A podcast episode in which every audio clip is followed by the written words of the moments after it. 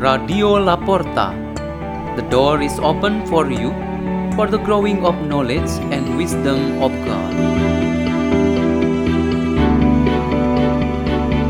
Delivered by Antonius Fitrianto and Yovita Della Herbrianti from St. Peter's School in Jakarta, Indonesia.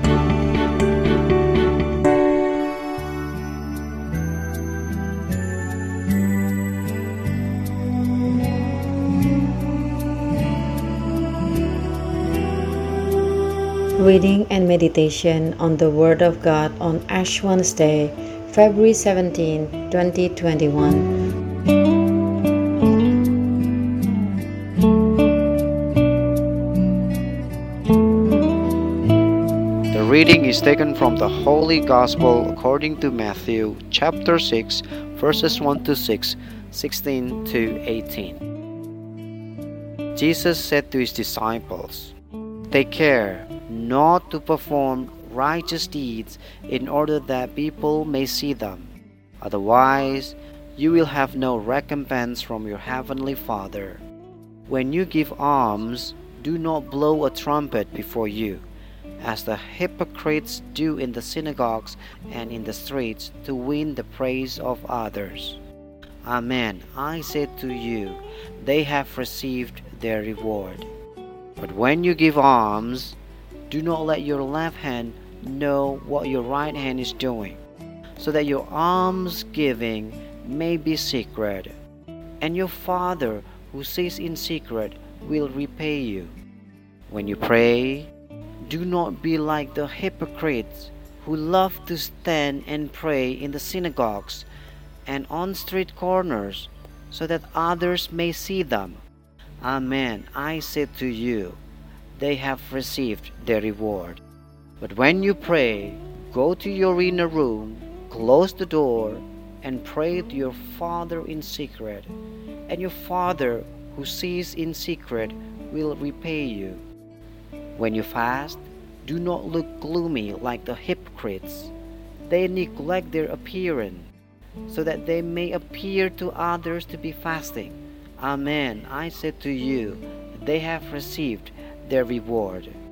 But when you fast, anoint your head and wash your face, so that you may not appear to be fasting, except to your Father who is hidden. And your Father who sees what is hidden will repay you. The Gospel of the Lord.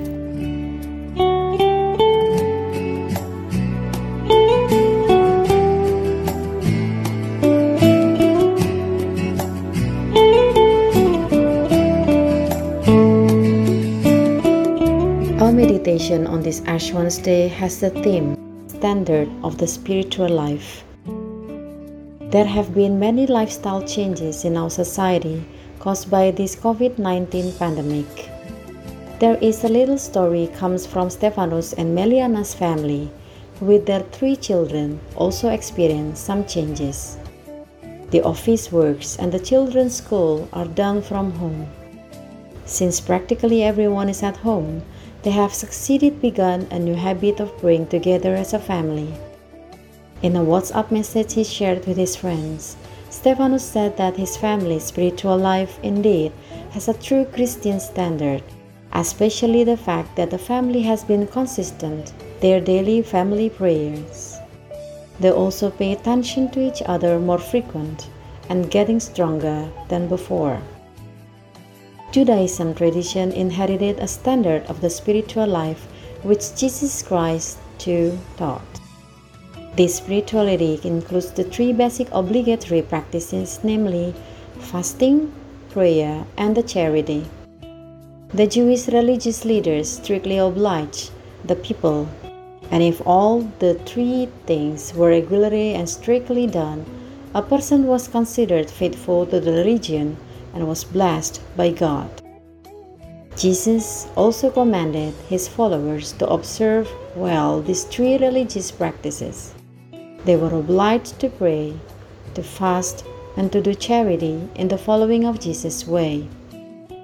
Actually, there is a clear difference between the standard of the spirituality taught by Jesus and that of Jewish religious leaders. The Pharisees and scribes were the leading figures in this type of Judaism spirituality.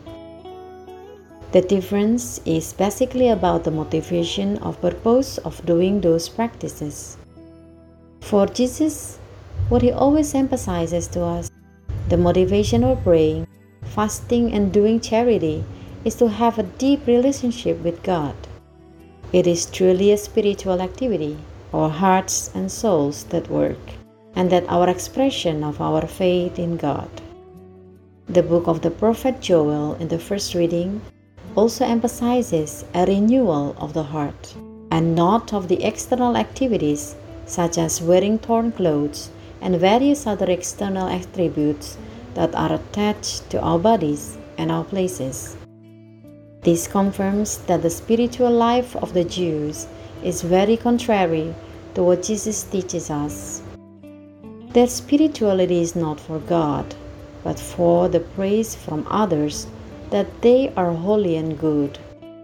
They already get their rewards with that appearance, while God does not give His blessing to them. Jesus makes it clear that we should not follow such external standards. Our standard is in the heart, which is directly related to God. Whenever these three religious observances are properly practiced, it is when a person experiences God's way of salvation, says St. Paul in today's second reading. This is the spirit of Ash Wednesday that we all celebrate today to begin our Lenten season. Let us pray. In the name of the Father, and of the Son, and the Holy Spirit. Amen. O Lord God, grant that with this Ash Wednesday, we will be filled with new zeal and resolution to begin this process of renewal in this Lent season. Our Father, who art in heaven, hallowed be thy name. Thy kingdom come, thy will be done on earth as it is in heaven.